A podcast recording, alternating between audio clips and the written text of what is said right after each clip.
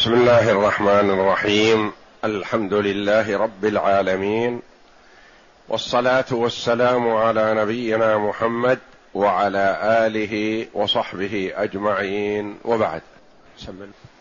أعوذ بالله من الشيطان الرجيم. إن الأبرار لفي نعيم. على الأرائك ينظرون. تعرف في وجوههم نضره النعيم يسقون من رحيق مختوم. ختامه مسك وفي ذلك فليتنافس المتنافسون. ومزاجه من تسنيم عينا يشرب بها المقربون.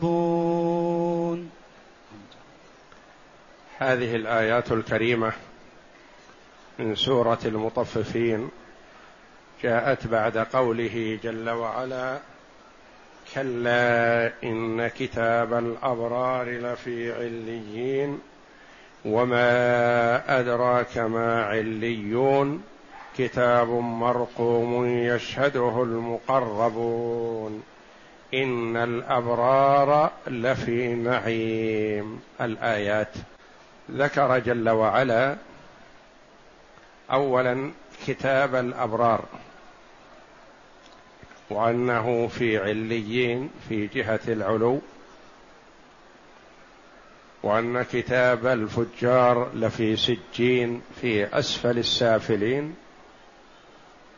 ثم ذكر جل وعلا مآلهم ذكر مآل الأبرار. ومسكن الأبرار. فقال جل وعلا إن الأبرار لفي نعيم. هم في نعيم منعمون. وأولئك أصحاب الجحيم معذبون. إن الأبرار لفي نعيم ينعمون فيما يريدونه. من المآكل والمشارب والمناكح وما يستمتع به. وجاء في الحديث أن الله جل وعلا يقول أعددت لعبادي الصالحين ما لا عين رأت ولا أذن سمعت ولا خطر على قلب بشر. وقرأ صلى الله عليه وسلم فلا تعلم نفس ما أخفي لهم من قرة أعين جزاء بما كانوا يعملون. إن الأبرار لفي نعيم يعني تنعم كامل. على الأرائك ينظرون. على الأرائك الأرائك الأسرة في الحجال. والأسرة معروفة. والحجال الغرف من القماش الفاخر الساترة. لهذه الأسرة تسمى حجال وهي أشبه ما تكون وأقرب ما تكون بشبه بالناموسية التي تكون على السرير. فيها من الحسن ما الله به عليم ولا يدرك حسنه في الدنيا لا يعرف كيف حسنه لأن ما في الجنة ما يدرك حسنه أهل الدنيا وهم في الدنيا. يعني فوق ما يتصورونه. على الأرائك ينظرون. ينظرون ماذا؟ قال المفسرون ينظرون إلى وجه الله جل وعلا الكريم. وقيل ينظرون إلى ما أعطاهم الله جل وعلا من السعة والملك في الجنة. مسيرة آلاف السنين وينفذه بصره. يرى البعيد منه كما يرى القريب. وهو على سريره. وقيل ينظرون إلى أهل النار وهم يعذبون فيها فيزداد سرورهم ونعيمهم واغتباطهم بما هم فيه وبما قدموه من طاعة الله جل وعلا حيث أنهم لو عصوا مثل أولئك لكانوا معهم. وكما قص الله جل وعلا في سورة الصافات قال هل أنتم مطلعون؟ فاطلع فرآه في سواء الجحيم. قال تالله إن كدت لتردين ولولا نعمة ربي لكنت من المحضرين لكنت معك. لولا أن الله هداني للإيمان والعمل الصالح فأنجاني من النار لكنت معك. يخاطب قرينه في الدنيا الشقي. على الأرائك ينظرون ولا منافاة بين هذه كلها. فهو ينظر على وهو على سريره ينظر إلى وجه الله جل وعلا. وينظر ما أعد الله له من النعيم من المسافات البعيدة يستمتع ويتلذذ بهذا ويرى البعيد منه كما يرى القريب. ويرى يطلع على أهل الجحيم وهم يعذبون ومن آذوهم في الدنيا وتسلطوا عليهم يغتبطون أهل الجنة بتعذيبهم لما؟ لأنهم قدموا الأعمال السيئة. على الأرائك ينظرون. حذف جل وعلا ما ينظرون إليه ليعم. تعرف في وجوههم نظرة النعيم. النظرة هنا البهاء والسرور والبشر وآثار السعادة والاطمئنان. يعني إذا رأيت وجه المرء عرفت أنه في نعيم وأنه في سرور وأنه في حالة غبطة ومغتبط بما هو فيه بخلاف ما إذا كان في حالة بؤس وشقاء فيظهر هذا على بشرته. فالبشارة يظهر أثرها على البشرة من سرور أو عذاب. وقد تطلق البشارة على العذاب لأنه لأن أثر العذاب يظهر على الوجه. كما قال الله جل وعلا فبشرهم بعذاب أليم. يظهر أثر العذاب على الوجه كما يظهر أثر السرور والاغتباط والنعمة. تعرف في وجوههم يعني تعرف أيها الرائي من تتأتى منه الرؤية والنظر والإدراك إذا رأيت الرجل عرفت أن هذا في نعمة. تقول مثلا إذا رأيت رجلا في الدنيا قيل لك إنه مثلا معذب تقول لا ما يظهر عليه أثر العذاب يظهر عليه أثر السرور والإغتباط والنعمة والانبساط فيما هو فيه. فالسرور والإغتباط يظهر أثره على الوجه كما يظهر أثر الحزن والكآبة على الوجه. تعرف في وجوههم وهذا يظهر على الوجه غالبا أكثر منه على غيره. قد يظهر على البدن لكن ظهوره على الوجه أكثر. تعرف في وجوههم نظرة النعيم. انه منعم إنه منبسط بما هو فيه مسرور. يسقون من رحيق مختوم. اقرأ. يقول تعالى إن الأبرار لفي نعيم أي يوم القيامة هم في نعيم مقيم وجنات فيها فضل عميم. على الأرائك وهي السرر تحت الحجال. ينظرون قيل السرر معروفة والحجال التي تكون مغطية للسرير بمثابة الغرفة من القماش من نوع خاص جعله الله جل وعلا لأهل الجنة. على الأرائك وهي السرور تحت الحجال ينظرون قيل معناه ينظرون في ملكهم وما أعطاهم الله من الخير والفضل الذي لا ينقضي ولا يتبدل وقيل معناه على الأرائك ينظرون إلى الله عز وجل وهذا مقابل لما وصف به أولئك الفجار. كلا إنهم عن ربهم يومئذ لمحجوبون. الكفار محجوبون عن رؤية الله جل وعلا والمؤمنون ينعمون ويتنعمون وألذ نعيم عندهم هو النظر إلى وجه الله الكريم. نعم. فذكر عن هؤلاء أنهم ينظرون إلى الله عز وجل. وهم على سررهم وفرشهم كما يعني الابرار هؤلاء الذين هم من أعلى أهل الجنة ينظرون إلى وجه الله جل وعلا وهم في سررهم وأرائكهم. نعم. كما تقدم من حديث ابن عمر إن أدنى أهل الجنة منزله لمن ينظر في ملكه مسيرة ألفي سنة.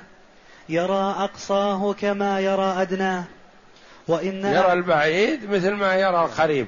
مسافة ألفي سنة كما جاء في الحديث. يعني مسافات بعيدة شاسعة يرى البعيد منه كما يرى القريب ويتلذذ بهذا ويتنعم.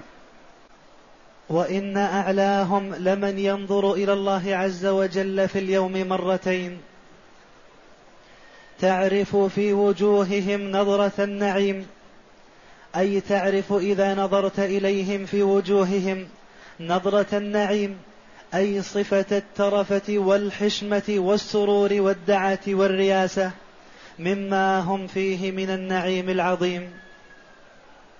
يسقون من رحيق. علي بن أبي طالب رضي الله عنه قال عين في الجنة يتوضؤون منها ويغتسلون فتجري عليهم نظرة النعيم أي بهجة التنعم وطراوته. نعم. قرأ الجمهور جمهور العلماء المفسرين والقراء تعرف في وجوههم نظرة النعيم. وفي قراءة أخرى سبعية تعرف في وجوههم. تعرف على البناء للمجهول. تعرف يعني من رآهم عرف ذلك. أو تعرف يعني أنت أيها المخاطب تعرف في وجوههم نظرة النعيم. يسقون من رحيق مختوم. يسقون من رحيق مختوم. يسقون يعني يشربون. من رحيق الرحيق هو الخمر الخالص الصافي الخالص من الكدر. وفي الجنة أربعة الأنهار في الجنة تجري من غير أخدود. أنهار الماء وأنهار اللبن وأنهار الخمر وأنهار العسل. وكل نهر من هذه الأنهار منفية عنه العيوب التي تعرض لهذا الشيء في الدنيا. فالماء يعرض له الاسن يعني تغير رائحته. والعسل يعرض له الخلط بالشمع وعدم الصفاوه عسل مصفى. والخمر يعرض له فساد العقل وعدم الاستمتاع به من خمر لذة للشاربين يعني يتلذذ به الشارب ولا يصيبه أي كدر. يسقون من رحيق يعني من الخمر. الخمر الخالص الصافي. وجاء في الحديث من شرب الخمر في الدنيا لم يشربها في الآخرة يعني يحرم منها في الآخرة والعياذ بالله وإن دخل الجنة. لأن شارب الخمر مثلا لا يحرم من دخول الجنة إذا كان موحدا. مختوم. الختم من الختام أو من الختم الذي هو الغطاء. من خمر يسقون من رحيق مختوم. يعني مختوم يعني بدل الطين الذي يختم به الشيء يعني يوضع على الغطاء حتى لا يفك. هذا الختام يكون مسك. أو ختامه مسك يعني مختوم يعني رائحه آخر شربه يتلذذ به برائحة المسك كما يتلذذ بأول شربه. مختوم الإناء يعني بختم.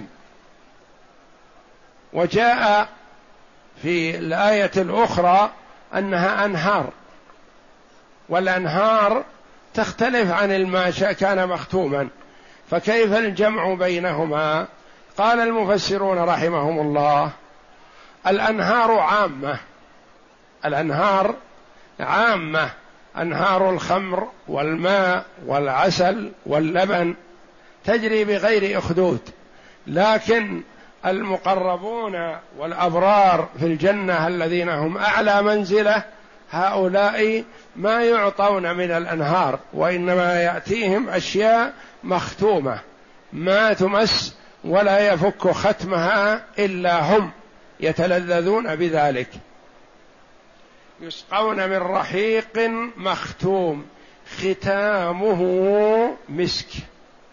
يعني بدل ما يوضع الختم مثلا من الشمع أو من الطين أو من الغراء أو من أي نوع من أنواع المواد هذا ختامه مسك مختوم بالمسك الذي هو الرائحة الطيبة الذكية. ختامه مسك أو مختوم يعني آخرته آخ آخره مسك. أو أنه فيه هذا الشرب مثلا من الخمر رائحته رائحة المسك. يسقون من رحيق مختوم أي يسقون من خمر الجنة والرحيق من أسماء الخمر. قاله ابن مسعود وابن عباس ومجاهد.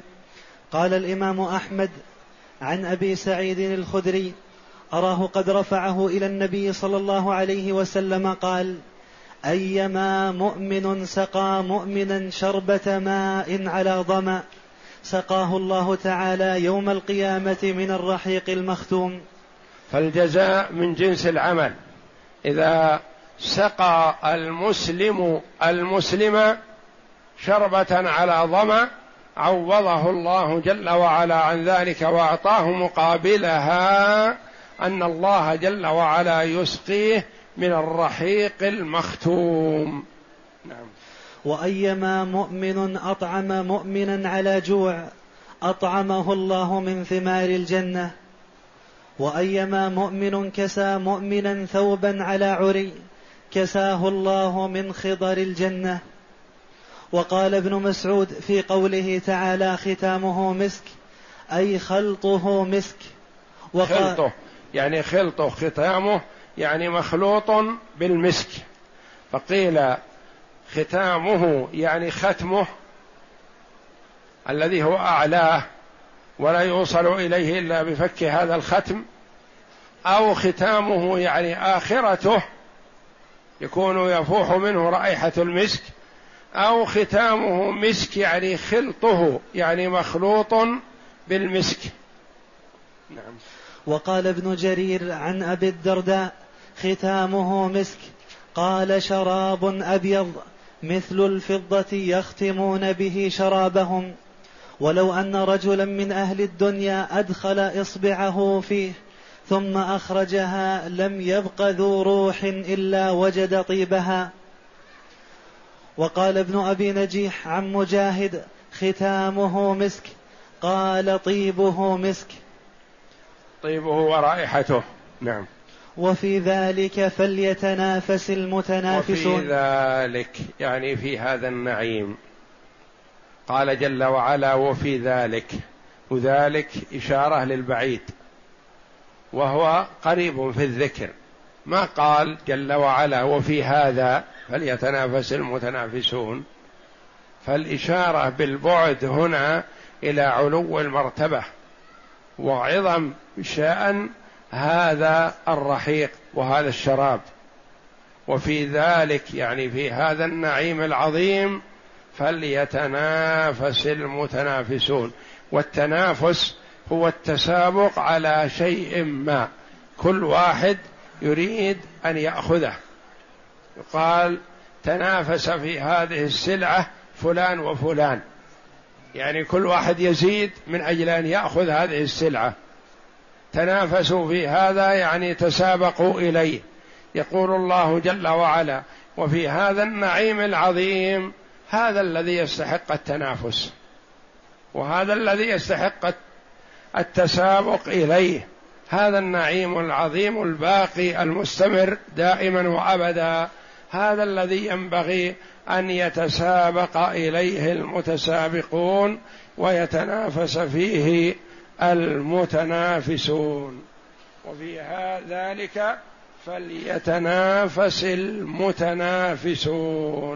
نعم. وفي ذلك فليتنافس المتنافسون. أي وفي هذه الحال فليتفاخر المتفاخرون وليتباهى ويكاثر ويستبق إلى مثله المستبقون كقوله تعالى لمثل هذا فليعمل العاملون. يعني هذا الذي يستحق أن يعمل العمل من أجله. والله جل وعلا يقول ذلك لعباده المؤمنين في الدنيا.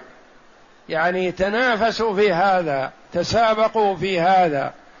آه، قدموا ما يجعلكم أهلا لهذا. بتوحيد الله جل وعلا والعمل بطاعته. نعم. ومزاجه من تسنيم. مزاجه مزاجه خلطه. يقال مزجه بكذا يعني خلطه. ومزاجه من تسنيم. تسنيم هذه عين هي تنبع من أعلى الجنة. وتأتي إلى مساكن هؤلاء من فوق تصب من أعلى ولهذا سمي التسنيم لأن السنام العلو وسنام الإبل أعلاها ويقال يسن تسنيم القبر يعني رفع تراب القبر قليلا والسنام الأعلى. ومزاجه من تسنيم هذه اسم لعين تأتي من أعلى فتصب في أواني أهل الجنة. مزاجه يعني خلط مخلوط من هذه. ما هي تسنيم هذه يا ربي؟ قال جل وعلا عينا عين يشرب بها المقربون. ومزاجه من تسنيم ما هي تسنيم؟ عينا يشرب بها المقربون. فالمقربون أعلى درجة من الأبرار. فالأبرار تخلط لهم تسنيم مع شرابهم. والمقربون يشربونها خالصة بدون خلط أعلى. ومنازل أهل الجنة متفاوتة. والناس في الجنة متفاوتون تفاوتا عظيما. عينا يشرب بها يعني منها المقربون الذين هم أقرب إلى الله جل وعلا من أولئك الأبرار. نعم. ومزاجه من تسنيم أي ومزاج هذا الرحيق الموصوف من تسنيم أي من شراب يقال له تسنيم وهو أشرف شراب أهل الجنة وأعلاه. ولهذا قال عينا يشرب بها المقربون أي يشربها المقربون صرفا. عينا منصوب على المدح يعني أمدح أو أخص عينا يشرب بها المقربون. تسنيم ما هو؟ قال عينا يشرب بها يشرب منها المقربون. نعم. عينا يشرب بها المقربون أي يشربها المقربون صرفا. وتمزج لأصحاب اليمين مزجا. تمزج يعني تخلط وهي خالصة للمقربين. والله أعلم. وصلى الله وسلم وبارك على عبد ورسول نبينا محمد وعلى آله وصحبه أجمعين.